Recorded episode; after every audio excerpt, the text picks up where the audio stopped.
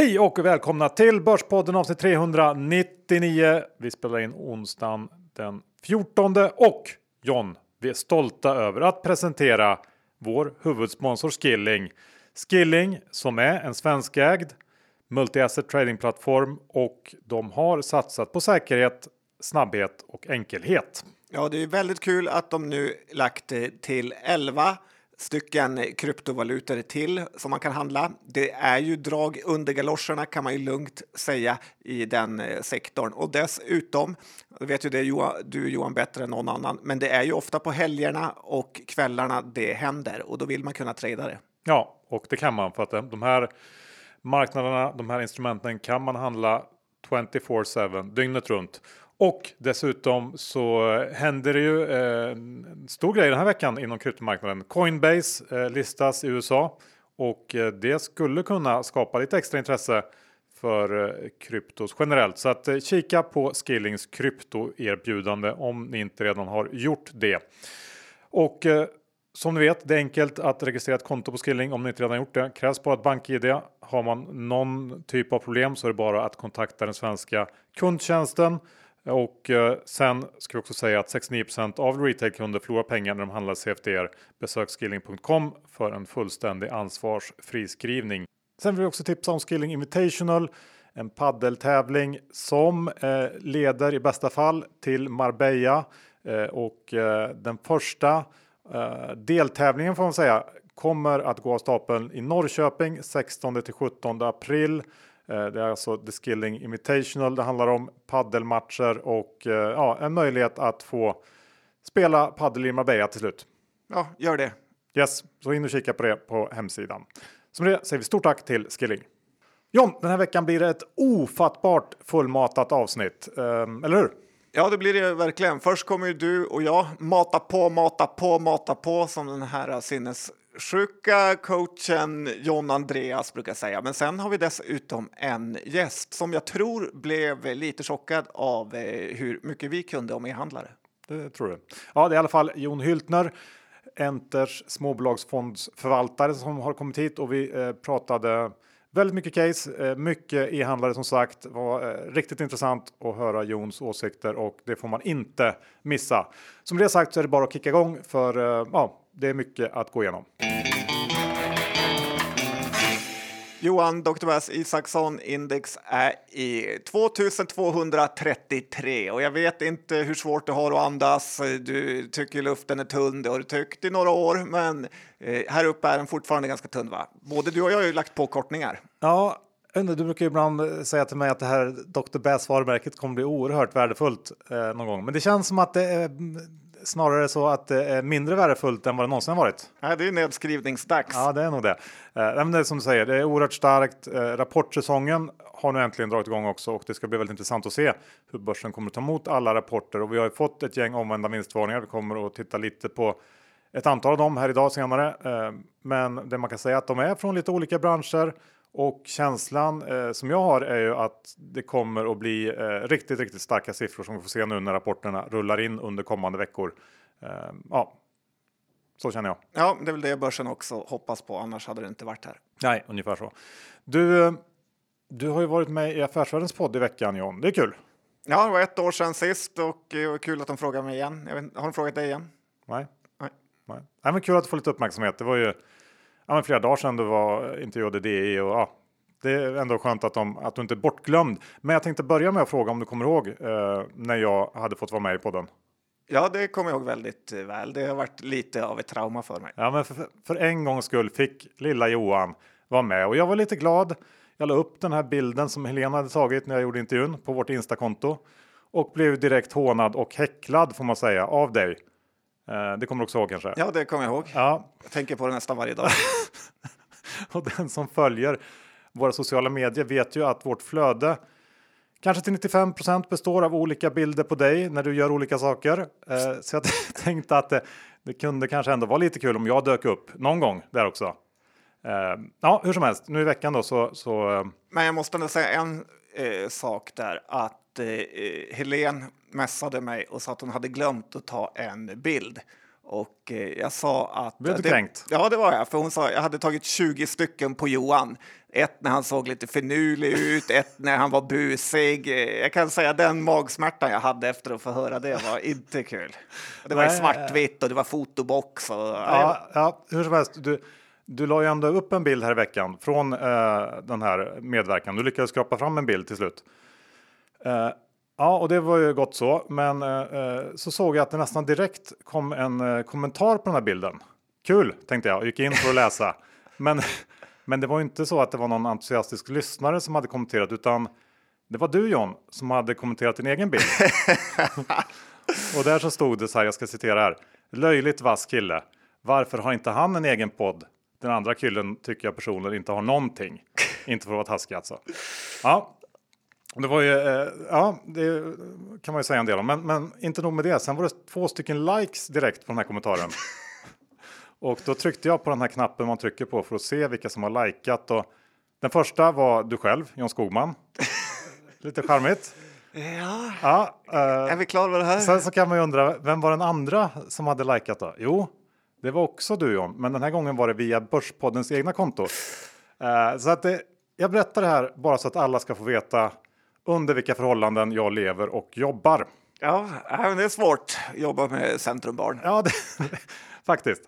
Bra, då har vi klarat av det och går över till uppdelningstrenden. Ja, men jag tycker vi ska prata lite om den, för nu ska ju Momentum Group delas upp, eh, de som köpte Swedol, och jag känner fortfarande, och jag pratade om det förut, men varför måste just svenska bolag delas upp hela tiden?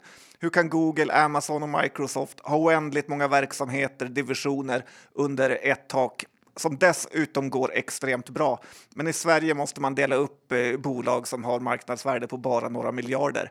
Eh, om Simon Blecker fick bestämma så skulle ju alla bolag på hela Stockholmsbörsen vara enmansbolag som fakturerade via Cool Company.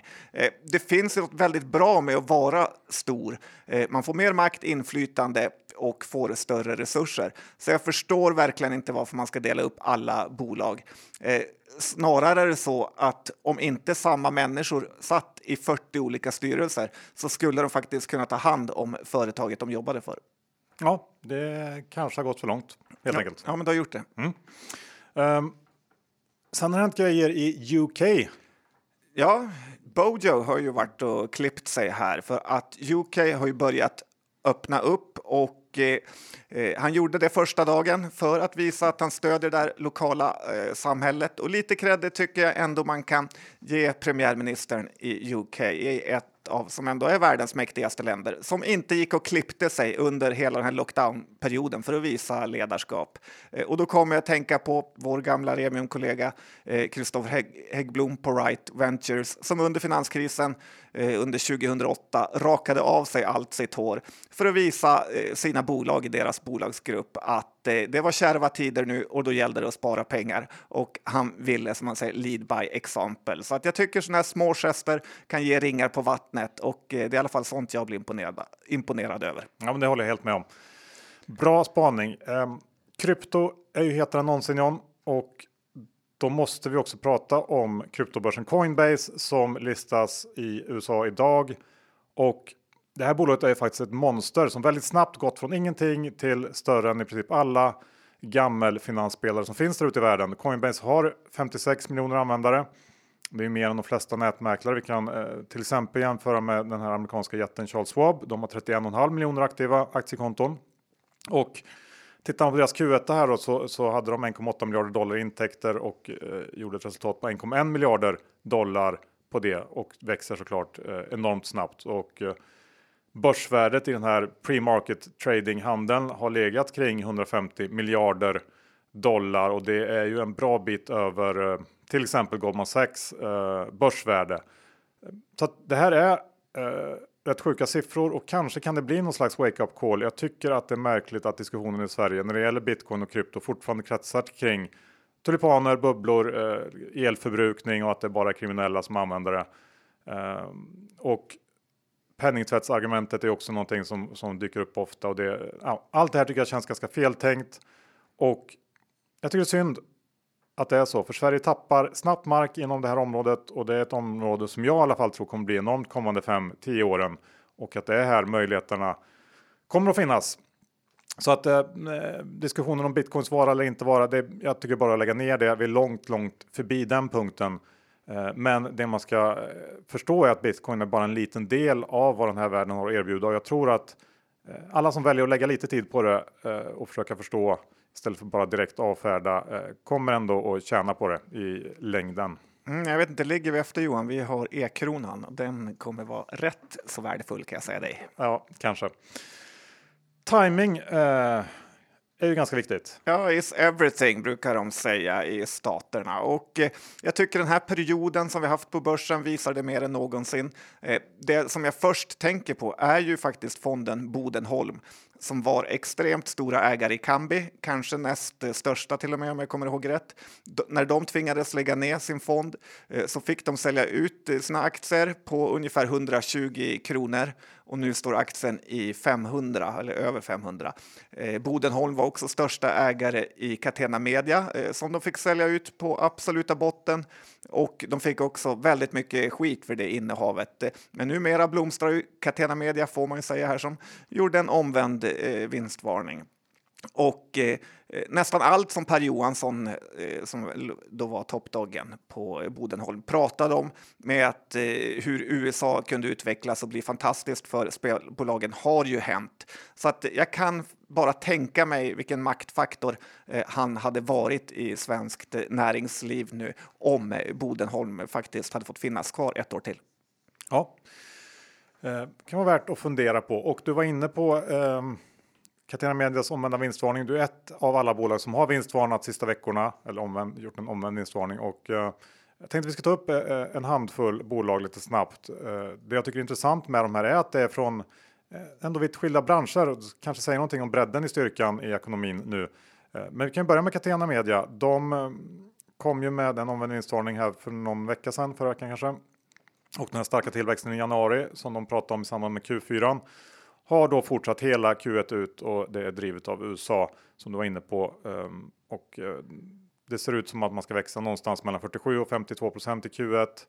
Eh, även om tillväxten antagligen eh, mattas av lite framöver här under året så får man ju säga att den här Q1 ger stöd till deras tidigare indikation om tillväxt på för hela 2021 väl över tvåsiffrigt. Så det är kul här med ett bolag som lyckas göra en riktigt fin turnaround på riktigt.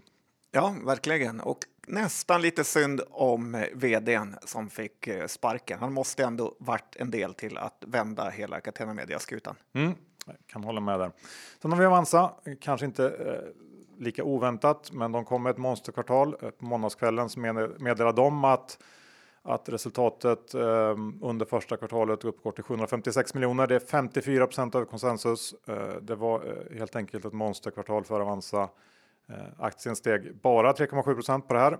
Men det beror nog eh, dels på den här väldigt starka utvecklingen inför samt att som vi varit inne på här tidigare att resultatet nog till stor del drevs av valutaväxlingsavgifter och det får man väl se som lite mm, positiva engångsintäkter ändå. Men exakt hur det ser ut det får vi se när hela den här rapporten kommer. Ja, eh, det ska bli spännande och en visar väl ändå på en affärsmodell som fungerar väldigt bra när resultatet eh, rinner ner så bra. Det jag tänkte på Avanza här var ju att de hamnar i tidningen med deras eh, fadäs att de råkade dela ut Volvos utdelning två gånger.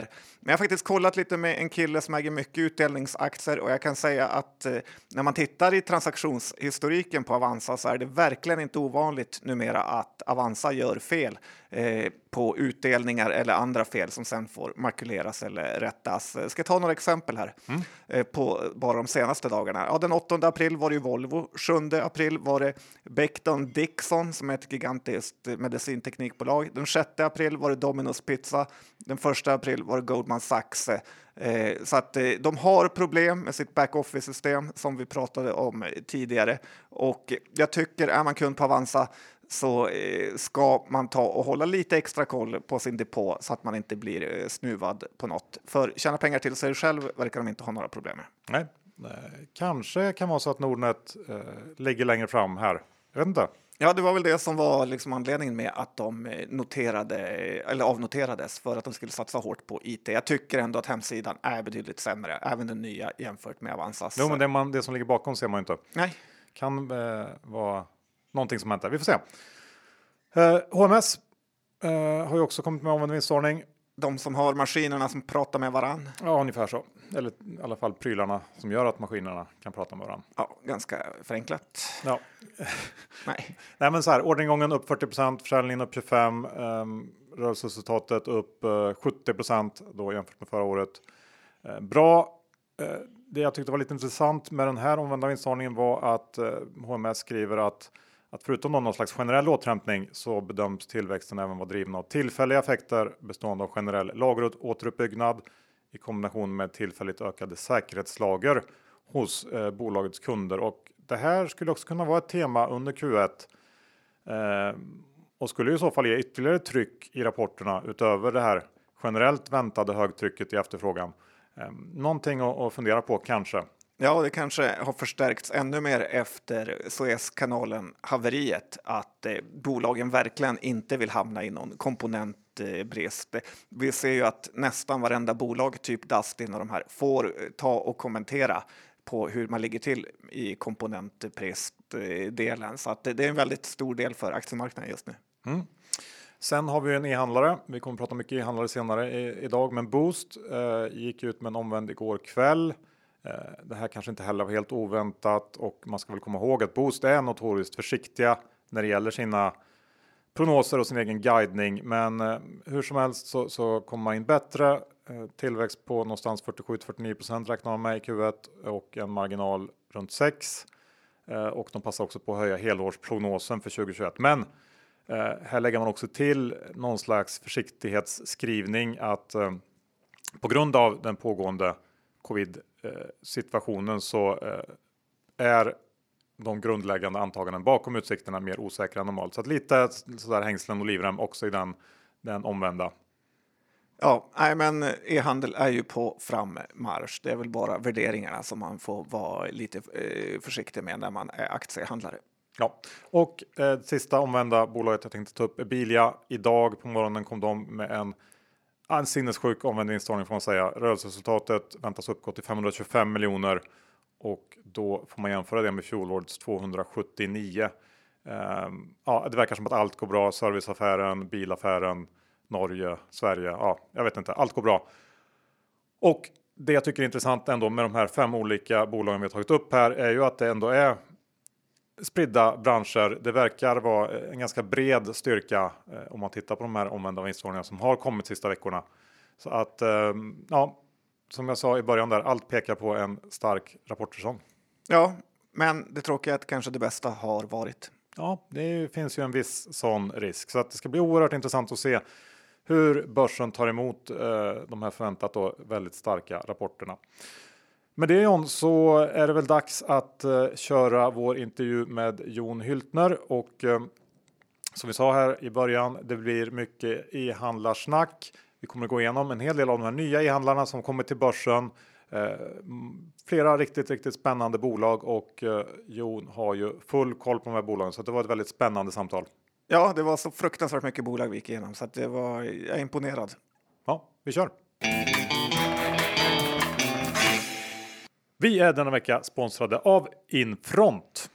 Ja, Johan, för oss som är traders eh, så är ju detta lite grann som när fotbollsspelare som Ronaldo eller Messi blir sponsrade av Nike eller Adidas. Eh, det är nästan konstigt att de ens eh, betalar oss för det här. Ja, jag ser mig mer som Zlatan i och för sig, men jag förstår liknelsen. Och Infront erbjuder en handelsapplikation, eh, faktiskt en handelsapplikation som vi själv använder sedan flera år tillbaka för att bevaka, handla och ja, helt enkelt analysera börsen.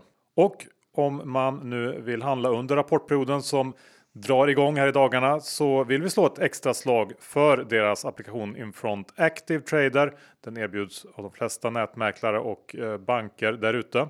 Och ska man rapporthandla så bör man ju också ha tillgång till nyhetspaketet Direkt Premium med alla flashar så att man får de absolut senaste nyheterna. Och allt det här går att testa kostnadsfritt genom att gå in på Infront Finance com Bolspodden och sen klicka sig vidare till en testperiod via sin bank eller nätmäklare. Ja, är man rapporttrader och extremt intresserad av börsen så är det i princip tjänstefel att inte ha tillgång till ja. det här. Ja, verkligen.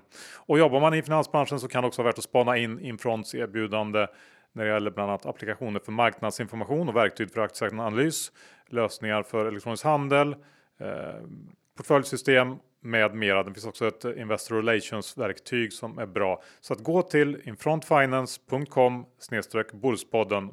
Det var alltså infrontfinance i ett ord.com Börspodden. Stort tack till Infront! Jon Hyltner, förvaltare på Enter småbolagsfond. Välkommen till Börspodden! Tack så mycket! Kul att ha dig här!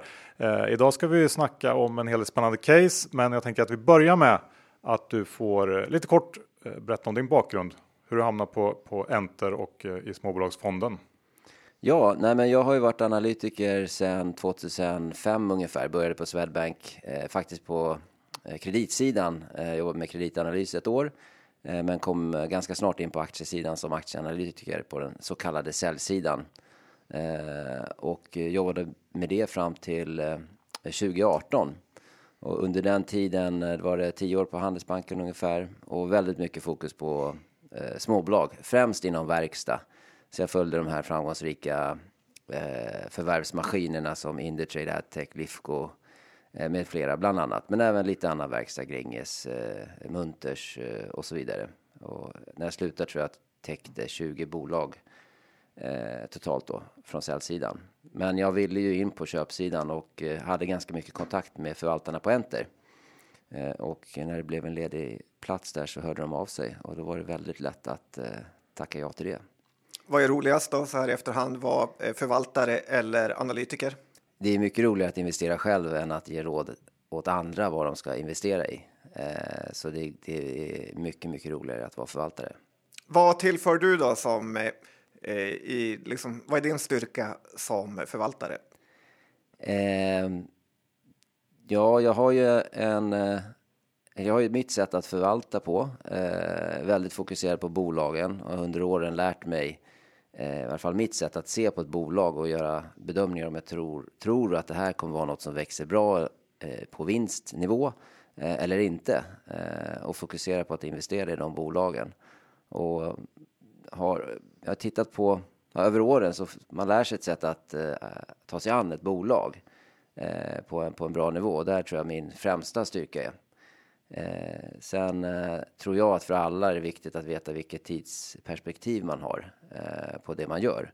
Jag har ganska långsiktigt fokus på, på alla investeringar, vilket eh, för egen del känns lättare för det kommer sig naturligt. Eh, men då eh, har, har jag något att hålla mig i hela tiden.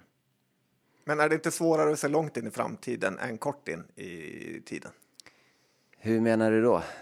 Ja, att det är, en, det är lite försvar det där eh, som alla förvaltare har, att eh, man eh, är långsiktig. För det är väl alla fonder?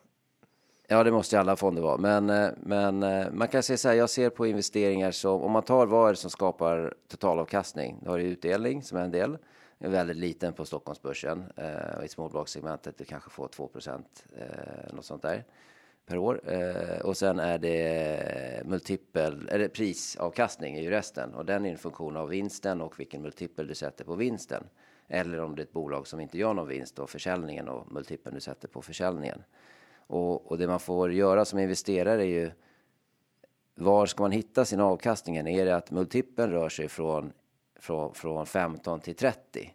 Eh, eller är det att vinsten rör sig från, från 10 till 20? Och ser man bakåt eh, och, och, och ser vad det är som har skapat avkastning på börsen i stort så tar det bara ett ettårsperspektiv hela tiden, då är det multipeln som avgör om du får en avkastning eller inte i regel. Eh, Medan ju längre tid du låter det gå så är det vinsten som, eh, som är, är drivande.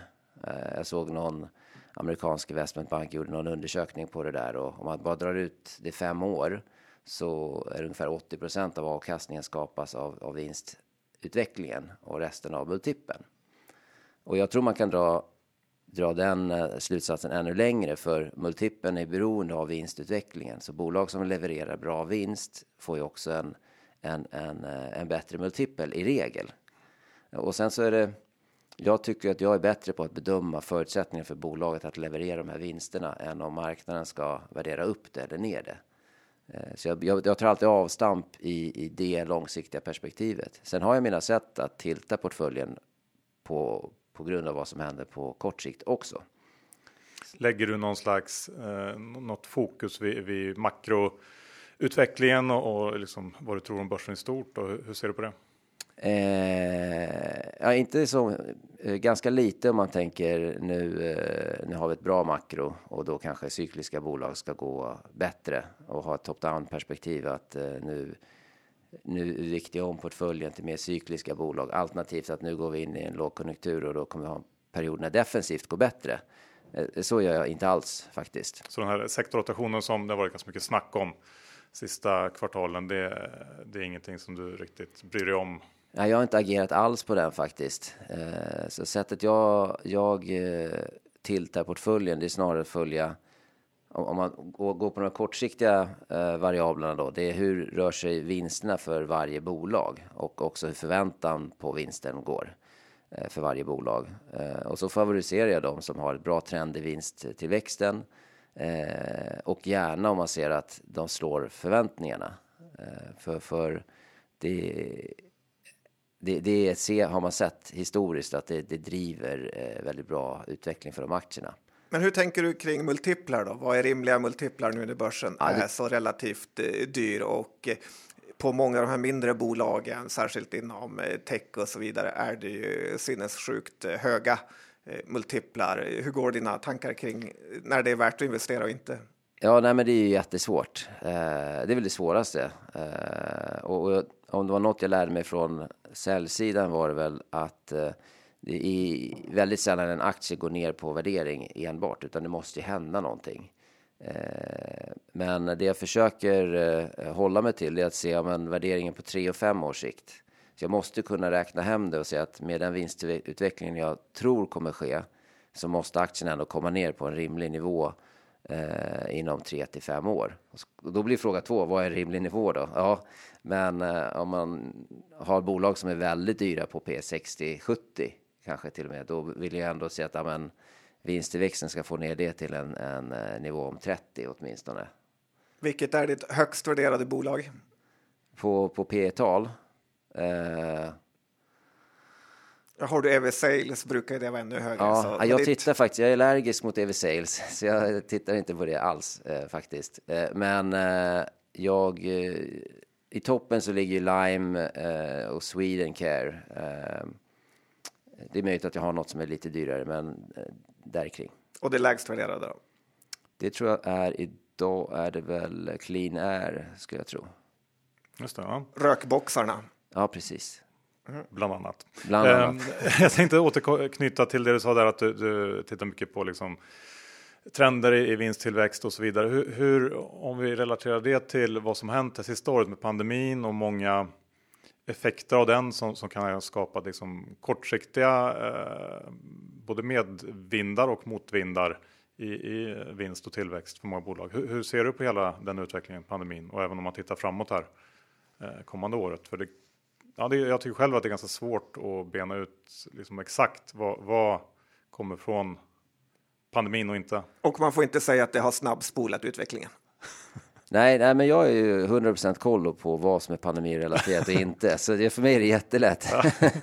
nej, men skämt åsido, det är såklart supersvårt. Eh, men eh, jag har väl, eller min approach på det hela är att i och med att jag börjar att leta bolag och investera i överhuvudtaget i de bolagen jag tror på på lång sikt, åtminstone fem, kommande fem åren ska jag se en, en, en potentiellt väldigt bra utveckling i, i, vinsten. Så jag rör mig i det segmentet. Eh, sen när, när corona slog till där förra året så favoriserade de bolagen som jag trodde skulle klara sig. Då trodde jag att många bolag skulle, skulle klara sig riktigt dåligt. Eh, men de jag som var mest exponerade, de klev jag ur. Jag hade ägde Pandox, eh, ägde Duni eh, bland annat. Eh, och de sålde ut eh, direkt. Eh, och så tog jag in AdLife eh, som jag tittat på ganska länge men känt att multipeln var, var ganska hög. Eh, men där eh, visste jag att de sålde produkter som skulle gå som smör i solsken under den här perioden. så favoriserade dem. Jag tog in Musti för att det var en exponering som min bedömning då var att det skulle gå helt opåverkat. Sen att alla... De som har Arkenso eller? Exakt. Eh, sen så visar det sig att eh, eh folk har köpt hundar som galningar, eh, så det blir en underliggande boost där. Men min, min, min initiala reaktion var att eh, kliva ur det som var mest riskfyllt, addera sånt som jag tror på på lång sikt men som ändå har en viss vinning eller, eller helt neutralt påverkade. Jag Men vaknar upp en morgon då, så tänker du nu är det dags att rensa portföljen eller bollar du med någon eller hur kommer, fattar du de här eh, besluten? För det är ju, eller sålde du ut typ Pandox på botten för att de, det, när kom du på att du skulle göra det här? Ja, Pandox sålde ut på botten. Eh, jag sålde även ut Momentum Group under den perioden. Det var inte covid-relaterat, det var bara att jag tyckte det var inte riktigt en, en bra eh, affärsmodell. Eh, också på botten. Så, så enskilda, den, de investeringarna var ju kass i sig. Jag skulle klart, såklart väntat. Fast å andra sidan så köpte jag Adlife för Pandox-pengarna. Och då blev det netto ganska bra ändå. Eh, men jag, jag har, eh, jag gill, gillar, ska jag inte säga, vem gillar att dra i stoppar? För man vill ju inte komma dit. Men, men jag, jag är, är, till exempel så gick jag in i Paradox innan Q4-rapporten. Rapporten, och eh, den sålde jag här Eh, och det är möjligt att det är helt fel, men, men eh, den gick ner för mycket och eh, den resultatutvecklingen på kort sikt fick mig att frågasätta lite vart det är på väg. Och kommer det flera sådana här uh, svaga rapporter så kommer ju fler ifrågasätta det. Så, så jag, jag eh, safear gärna där och ger bort ganska mycket uppsida då om det, om det vänder. Men du rapportspekar lite eller?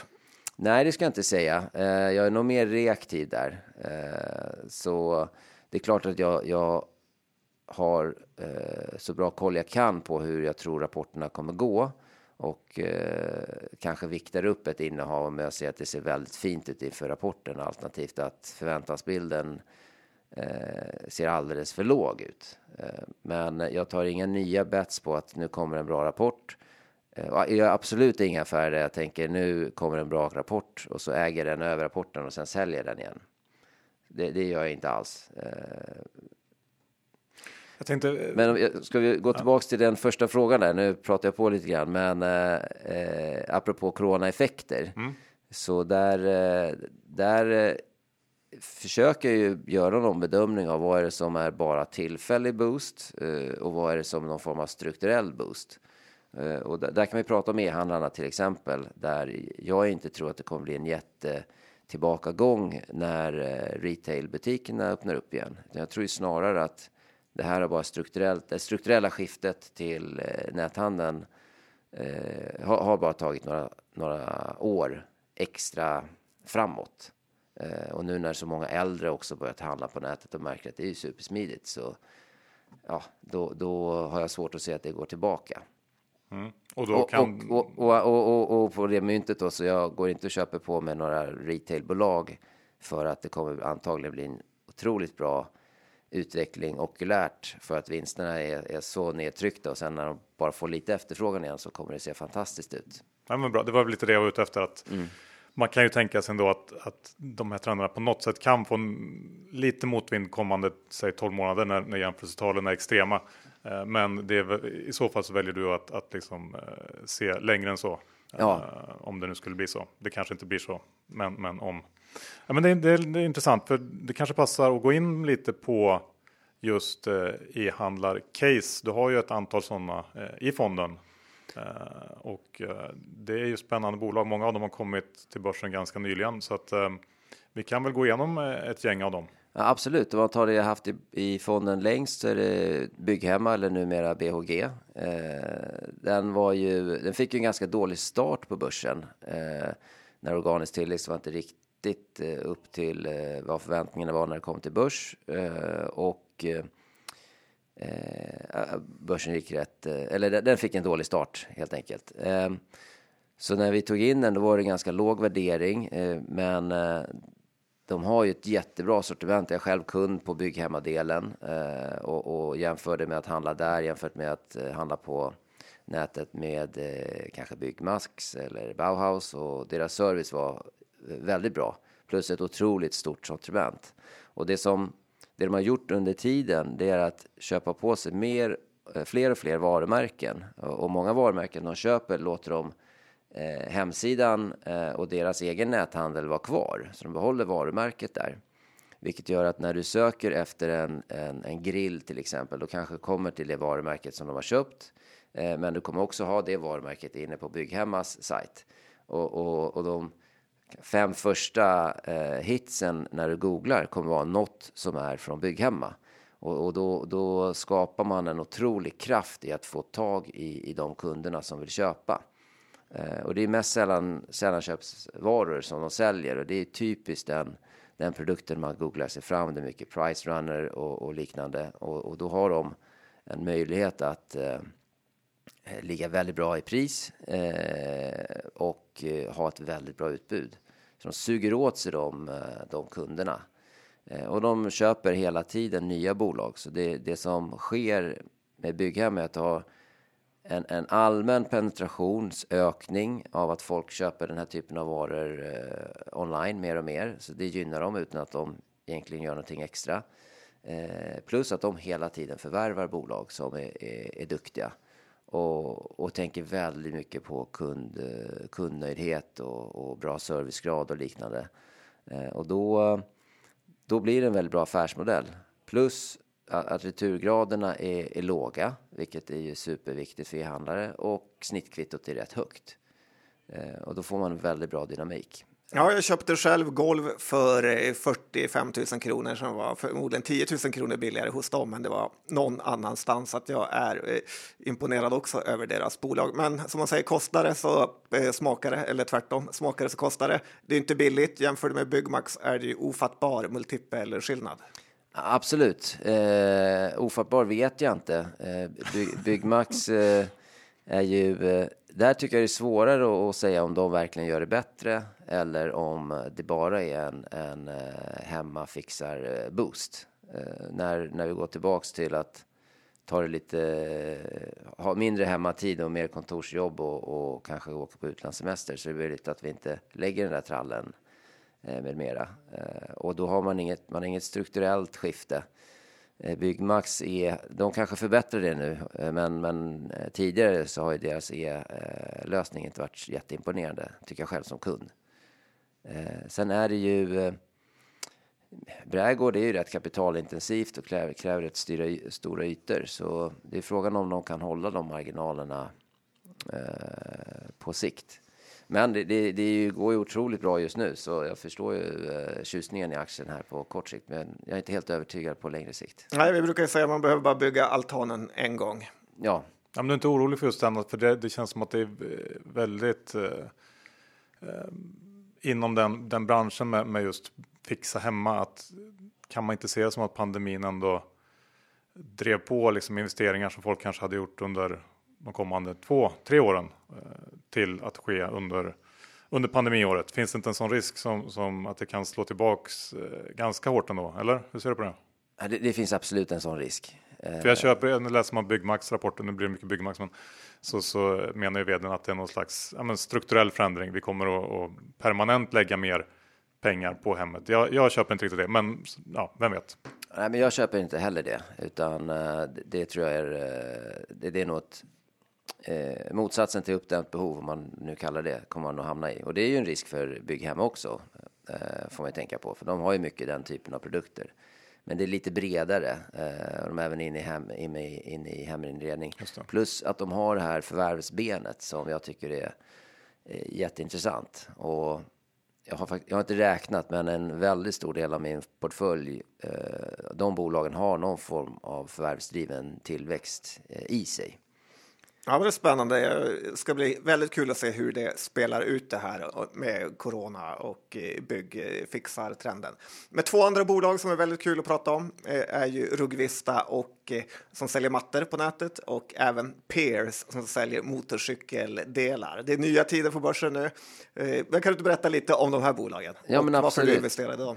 Eh, nej men om man tar, eh, börjar med Rugvista så har de eh, väldigt bra lönsamhet, eh, ganska stora snittkvitton. De har lite högre returer eh, av den anledningen att det är väl en del, jag tror det ligger på 15 procent kanske.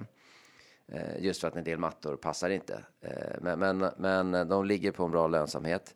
Och det fina med Rugvista är att jag tror produkten i sig är väldigt väl lämpad eh, att, att säljas på nätet. Om man tänker själv när man letar efter mattor och man går till en en mattaffär någonstans om ni har gjort det, så ofta ligger det ju travar med mattor. Det, det, är rätt svårt att få en bra överblick i butiken. Känns som att eh, halva Stockholms innerstad har varit på den här Ullmans mattor på vid Sankt Eriksplan och eh, sen förnedrande har man fått konka hem en eh, 80 kilos matta genom stan. Ja, men precis. Man vill ju inte vara med om det igen. Nej, exakt. Det är en väldigt bra, bra liknelse. Eh, och Eh, så, så, jag tror att de flesta föredrar att köpa den på nätet, få det hemlevererat eh, och slippa just det här konkandet. Framförallt om man bor i stan. Bor man i villa så är det lättare att trycka in den i, i, i bilen och köra hem.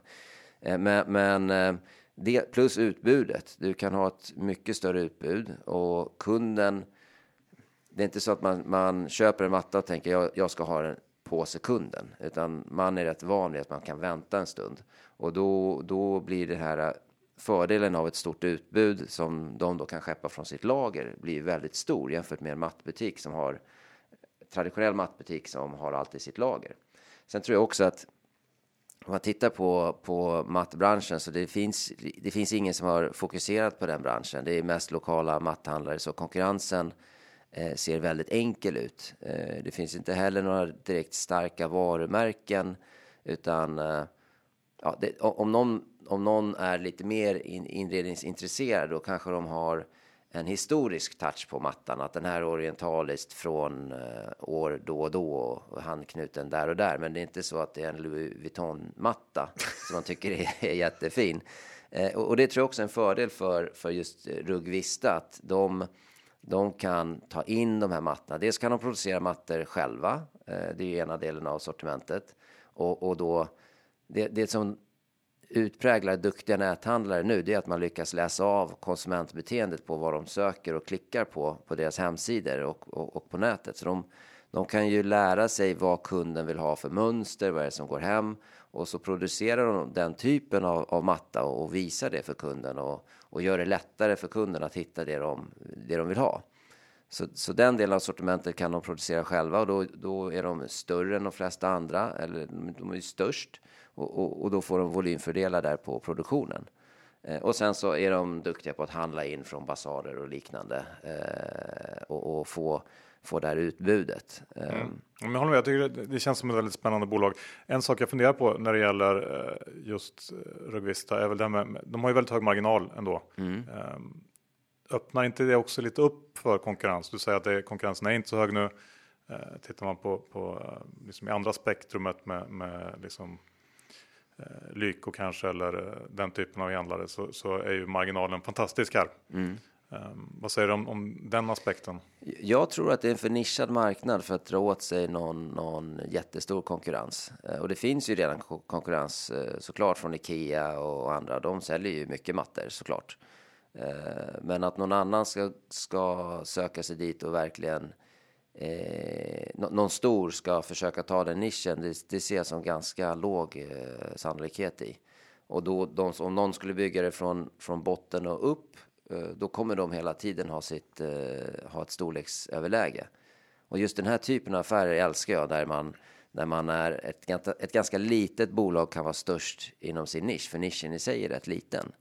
Eh, så det, det, det är något som så, så jag är inte jätteorolig för konkurrensen ur det perspektivet. Mm. Och man gillar ju att det är ganska högt ordervärde. Ja. Eh, däremot eh, eh så när man pratar om ett litet bolag så är det inte så litet. Rugvista har ett börsvärde på nästan 3 miljarder har jag för mig. Så att, eh, Allt är ju relativt såklart. Eh, ja, man kan tro när man Rugvista att det skulle vara något 100 miljoners bolag, men de har, det är verkligen ett bolag som har eh, tagit sig fram. Absolut, Nej, men, och, och eh, har ganska lång historik med bra lönsamhet också. Det är något jag gillar. Eh, där eh, de hade eh, ett, en dipp, jag tror det var 2018, något sånt där, när eh, de hade ett vd-skifte som inte gick så bra. Eh, men utöver det så har det varit bra lönsamhet eh, ganska lång tid, vilket också bådar det talar för att modellen flyger, att det inte är något tillfälligt. Flygande mattor, det är något man ska... Men Pierce då, motorcykel, eller ska vi ta, delar? Eller? Ja, eller ska vi ta det Decenio, eller Decenio, eller vad säger man? Ja. Eh, poster, det känns som närliggande mattor, det är inredning eh, bägge två. Ja men precis, och där måste jag ju säga, och tro, när, det... folk köper så här New York-kartor. Ja, nej men där, där, eh, jag är förvånad över att de visar de siffrorna som de gör. Eh, och, och, och för om, om jag spontant skulle bara se på bolaget och vad de gör så skulle jag tänka mig att det här är väldigt lätt att kopiera. Eh, av Ja, det känns ju enklare samma. än- Ja, det än känns mycket lättare. Ja. Eh, Men, men där har de eh, fördelen att de säljer till väldigt lågt pris redan. Det man köper där är skitbilligt. Men det är då planscher typ som man köpte ruddskjulligt eh, på gamla goda eller vad är det de säljer egentligen? Jag tror inte Rudskjulit är någon eh, jättestor säljare, inte kanterna heller, även om det hade varit kul. Eh, Men eh, nej, det är mycket, mycket prints. Eh, Det, det är eh, det du kan hitta i designtidningar och liknande. Eh, Fotokonst också, men allt det du, det du trycker. Eh, Och då har de eh, samma där som, som en Rugvista och Desenio är antagligen ännu bättre på det, att känna av vad kunderna vill ha och, och, och så trycker de upp i, i bulk, eh, vilket de flesta konkurrenter inte gör, utan konkurrenterna eh, som jag har förstått det, de trycker upp mer efterhand och, och lite mer efter vad, vad kunderna beställer. Eh, Men då kan du få en, en, en eh, betydligt lägre kostnad. Såklart en lagerrisk då ifall de trycker upp fel grejer. Eh, Men eh, givet hur media, print och liknande har gått. Nu, vet jag inte vilka det är som trycker upp eh, deras posters. Men all, Eller Anders kanske? Ja, Jag vet inte, men, men om man bara ser hur, hur tryckt media i övrigt har gått så har det varit eh, kraftigt sjunkande volymer. Så det finns med största sannolikhet väldigt mycket tryckerier som, som har ledig kapacitet. Så, så då får de, får de det väldigt billigt och kan göra det billigare än, än eh, konkurrenterna. Plus att de är jätteduktiga på, på nätet. Och, och Men, men multiplar då? Vad tycker du ett bolag som Desenio är värd i multipel eh, värde? Eh, några år fram så börjar det komma ner mot en eh, ev ebit 25-30, vilket det kommer göra om de fortsätter växa som det gör nu. Det, här är ju en vinsttillväxt på typ 30 procent per år. Eh, så håller den i sig så, så är värderingen eh, eh, ganska låg. Men finns det risk att det är någon slags nyhetens behag att de här poppar ju upp eller har kommit, inte vet jag, de sista fem sex åren har man börjat liksom, Många har börjat köpa eh, konst eller posters på det här sättet. Att det blir lite, man köper några stycken och så ja, eh, har man gjort det och testat. Ja, nej, men det tycker jag är väl den största risken.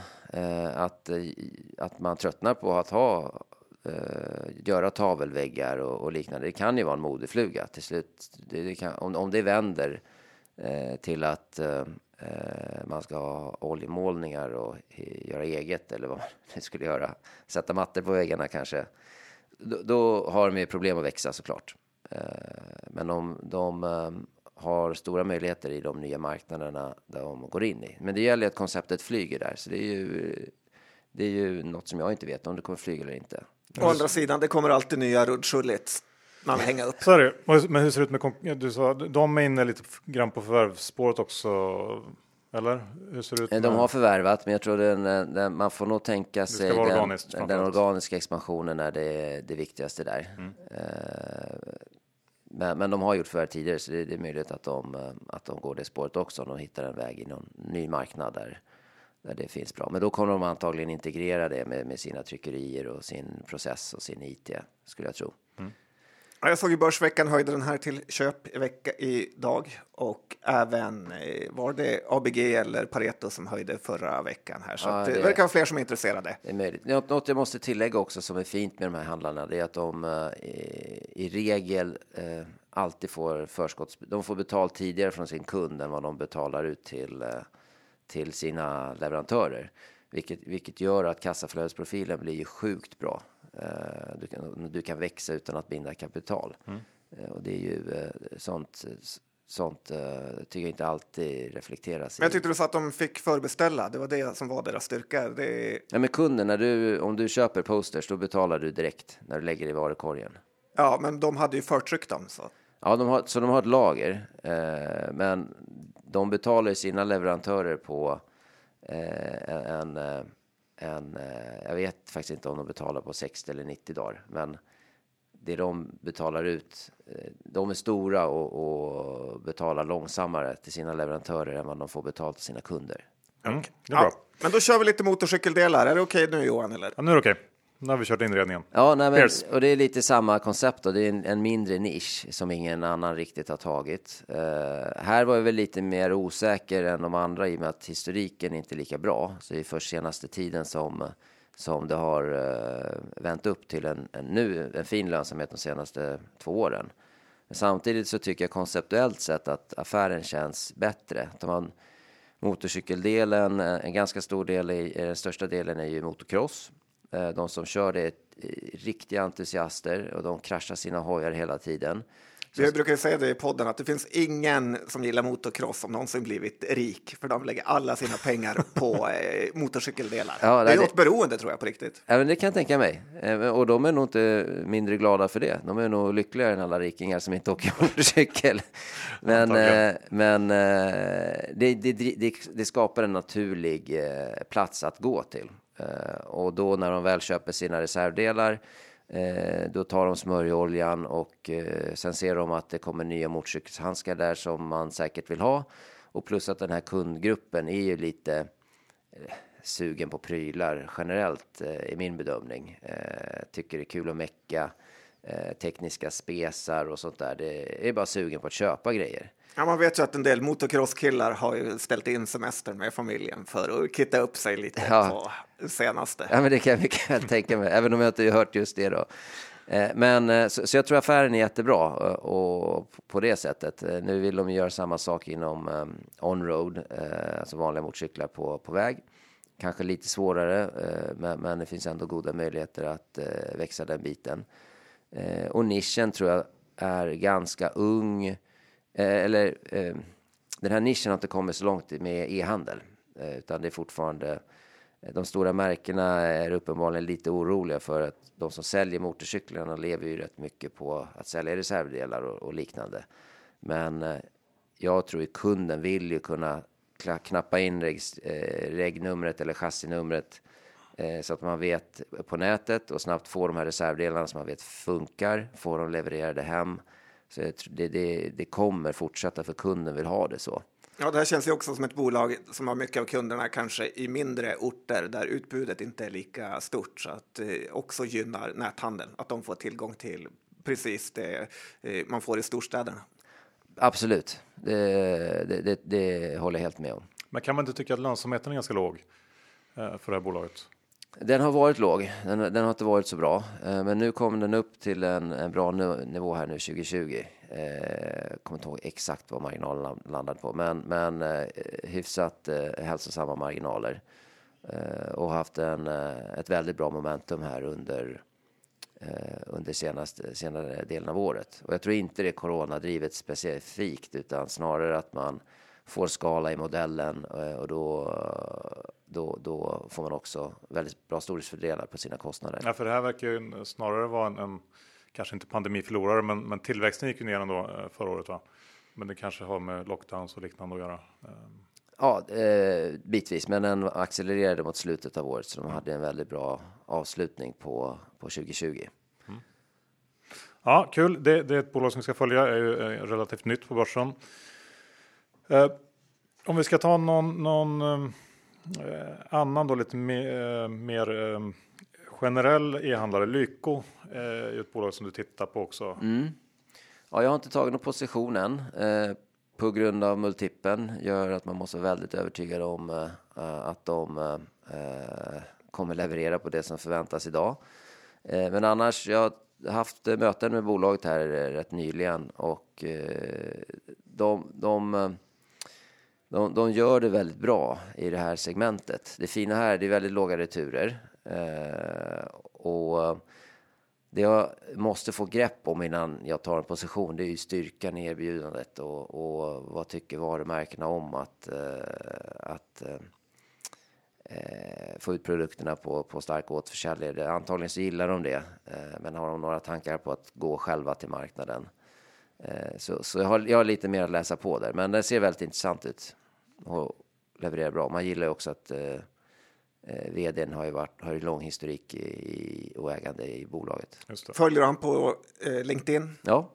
Han är lagerarbetare på Lyko. Ja. stör jag mig lite på. Så, så lätt jag att störa mig på saker. Ja, men här kan man också tycka att, att vi var inne förut på det här med, med att det, man kan tycka att det är positivt med höga snittorders och, och, eh, och så där. Men, men det här är ju lite andra änden av den skalan. Men det tänker jag i alla fall att det borde, borde vara betydligt tuffare att starta en konkurrent här Eh, det krävs ju så mycket mer på något sätt eh, för att börja kämpa mot Lyko. Eh, kan jag tycka i alla fall. Ja, och, och absolut. Det som är det här måste man problemet för mig är jag har ju, jag har ju svårare att sätta mig in själv i kundgruppen, för jag är själv ingen kund. Jag köper inget av det de säljer i princip. Eh, så det, det, är svårare att förstå hur, hur den kunden eh, agerar. Går de på pris eller vill man bara gå in på Lyko hemsidan och veta att man hittar allting? Eh, och, och, och struntar lite i vad det kostar så beställer man därifrån. Eller vet man vilken, vilken, vilket schampo eller vilken produkt man vill ha Eh, och så googlar man sig fram till att, eh, eller kör Price Runner. Jag, jag, tror inte man kör Price Runner på de här produkterna. Eh, Nej. Känns som att vi tre kanske inte ska ge oss in för djupt på det här. Inte krämgänget. Ja, men någon, någon krona hit eller dit på ett schampo känns inte som att det är livsavgörande för köpbeslutet. Ja. Men det, det jag gillar med det ändå är att jag tror att de exekverar otroligt bra. Mm. Uh, har pratat med dem, man diskuterar frakt med mera och, och liknande. Så till exempel de har grön frakt som alternativet högst upp. Då gör de en, eller fossilfri frakt och det är bra för för samhället, så det är positivt ur det perspektivet. Men det blir också en lägre kostnad för dem, vilket eh, för då kan de ta lite längre tid på sig. Det blir, kan göra mer effektiv transport eh, och, och så det, det, är en win-win som de har lyckats göra på ett kommersiellt sätt, vilket är, är helt klart positivt. Ja, alla som döper ett bolag efter sig själv har också lite att leva upp till, så det ska bli spännande att se. Innan, lite snabbt här om, kanske jag såg i ditt eh, eh, vecko eller månadsbrev att du har sålt ut dina Thunderful mm. eh, för att du var besviken på rapporten. Stopploss, vad säga? Det får man säga och eh, mycket av var, vad det berodde på. Eh, och då, det är ju också en IPO och det är väl det jobbiga med, med IPO är att man har inte hela historiken eh, med sig. Eh, och när jag investerade i Thunderful första gången så var det mot, bakgrund av att de hade en bas i en distributionsbusiness som inte var speciellt spännande. Eh, den, den, ska inte växa jättebra, men, men, den var stabil med stabila kassaflöden som man sen ska eh, använda till att köpa spelstudios och, och, och bygga en, en högtillväxtbransch. Och där trodde de hade väldigt bra möjligheter för de, de har varit i segmentet väldigt länge och de spelen som fanns i, i gruppen hade väldigt bra ratings. Men nu visar det sig att framförallt ena benet då i distributionsaffären som säljer leksaker har en dynamik i sig som gör att marknadsföringskostnader eh, för olika kampanjer, det, det, det, det committar bolaget sig till. Så Thunderful i april hade committat sig till vilken marknadsföringsbudget de skulle få eh, eller var tvungna att lägga ut eh, mot julhandeln och så stängde en del affärer ner Eh, och eh, de fick inte alls den försäljningen de, eh, de eh, förväntade sig. Men eh, jag tyckte det var lite märkligt för i april så pandemin var i full blom. Eh, man, man, borde ha kunnat räkna med det. och, och det blev en dynamik i den här grundaffären som var mycket skakigare än, än vad jag trodde när jag investerade första gången. Plus att marginalskillnaderna på det de säljer i distributionsaffären är, är, är väldigt stor. Så den, den, är inte så stabil som jag trodde från början. Och, och då blir caset inte alls lika starkt. Uh, så därför drog jag i stoppen där. All right. Kanske mm. något snabbt ord om ditt största innehav, Embracer också? Ja, jag vet faktiskt inte om jag kan tillägga så mycket eh, som inte andra redan har sagt. Men eh, det jag tycker om är att jag tycker risken i affären går ner ju större de blir. Eh, problemet eh, med, med spelutvecklare är ju att du får floppar ibland. Men eh, ju fler bolag man har som gör spel, desto mindre blir den risken. Eh, så det, det, ser ut som att vad track record är ju fantastiskt på det, det eh, Wingefors har byggt. Och jag har svårt att se att eh, det, det eh, det är mycket större sannolikhet att det fortsätter på det spåret har, har, varit än att det går till ett misslyckande. Det syns kanske läskigt om de går, går ännu mer i, i AAA-spel och stora budgetar. Om det blir en jättestor del uh, så blir det högre risk. Uh, men min bedömning än så länge är att han, den uh, risken hanterar han väldigt väl. Ja, så fortsätt satsa på eh, Wingefors helt enkelt. Eh, Kan vi inte avsluta med Avanza Nordnet också? Det är ändå en börspodd. Jag är ändå lite mer sugen om vi ska avsluta med S, börsens sämsta, bo, eller sämsta namn, eh, S-Dip Tech. Ja. Eh, Du får välja Avanza Nordnet eller S-Dip Nej, men Tech. Sliptech är kanske närmare eh, min core vad jag, vad jag brukar investera i. Eh, det är ju en serieförvärvare likt, jag har en ganska stor del av portföljen i, i just Lif, Liftech, Adtech, Lagerkrans. Jag lägger även in Instalco, den här nya fasadgruppen, i, in i det segmentet eh, där man har ganska stabila underliggande businessar eh, med bra kassaflöden som man återinvesterar och så kan man skapa 15% plus vinsttillväxt år ut och år in utan att något behöver hända i omvärlden egentligen. Eh, eh, Sdiptech Stiptech är ju på det sättet eh, väldigt likt de här bolagen. Skillnaden är att de har mer nischat in sig på, på infrastruktursegmentet. Då är infrastruktur i väldigt vid bemärkelse då. Så allt från vattenrening till transportlösningar till kameraövervakning av, av vägtunnlar och, och liknande. Eh, men eh, jag gillar eh, att de letar sina deals själva till största delen. De köper bara bolag som har högre än 15 rörelsemarginal. Genom att göra det så drar man ner risken i att köpa dåliga bolag. Och har man en verksamhet som kan göra 15% rörelsemarginal, då har man i de flesta fall ett väldigt bra erbjudande som är uthålligt. Och de de är ju lite mindre. Eh, så att de, de har ju haft ett mål om att öka rörelseresultatet med 90 miljoner per år. Eh, och för något år sedan då, då, då in, implicerar det en över 20 i vinsttillväxt per år. Eh, så det, det, det ser jätteintressant ut. Och de, Har du träffat Ashkan och gänget? nej, jag har inte träffat dem. Det hade varit Okej. kul. Kan man inte tycka att det börjar bli väldigt många spelare som är inne på det här förvärvsspåret eh, nu? Att det kan bli, eller bör börja bli lite tuffare med, Ja, med det- priser och så vidare. Nu kommer ju även Idun Industrier till börs som ni säkert såg. Just det. Eh, så ytterligare en då som gör... Och eh, bland de lite mindre så har vi eh, Wesk som ska eh, stöpas om och bli serieförvärvare. De vill nog inte nämnas i samma mening. Nej, men ändå. Lifco och Wesk, det är bra Johan, du har gått ner dig. Nej, men även det finns ju, det har ju stått lite i, i tidningar om det här storskogen. Eh, som också en, verkar vara samma, samma upplägg. Och sen har ju Lifcos före detta vd också något liknande privat. Ja, eh, precis. Eh, Fredrik Karlsson heter han. Ja, Ja, nu tappar jag namnet på det, men det är någonting med rök heter det va? Rökö, tror jag. Eller Rökå. Det är någon ö. Ja, i alla fall. Det, det är många som har kommit på den här idén eh, och som, som ja, kämpar på med att leta efter förvärv.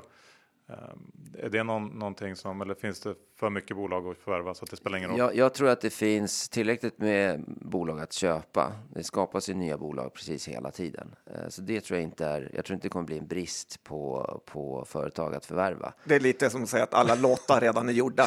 Ja, men pri, det kanske snarare är så att pri, priserna då. Eh, Nej, men jag tror man ska ändå vara, man ska vara noga med vem det är som gör det. För, för eh, det är inte så enkelt som man tror.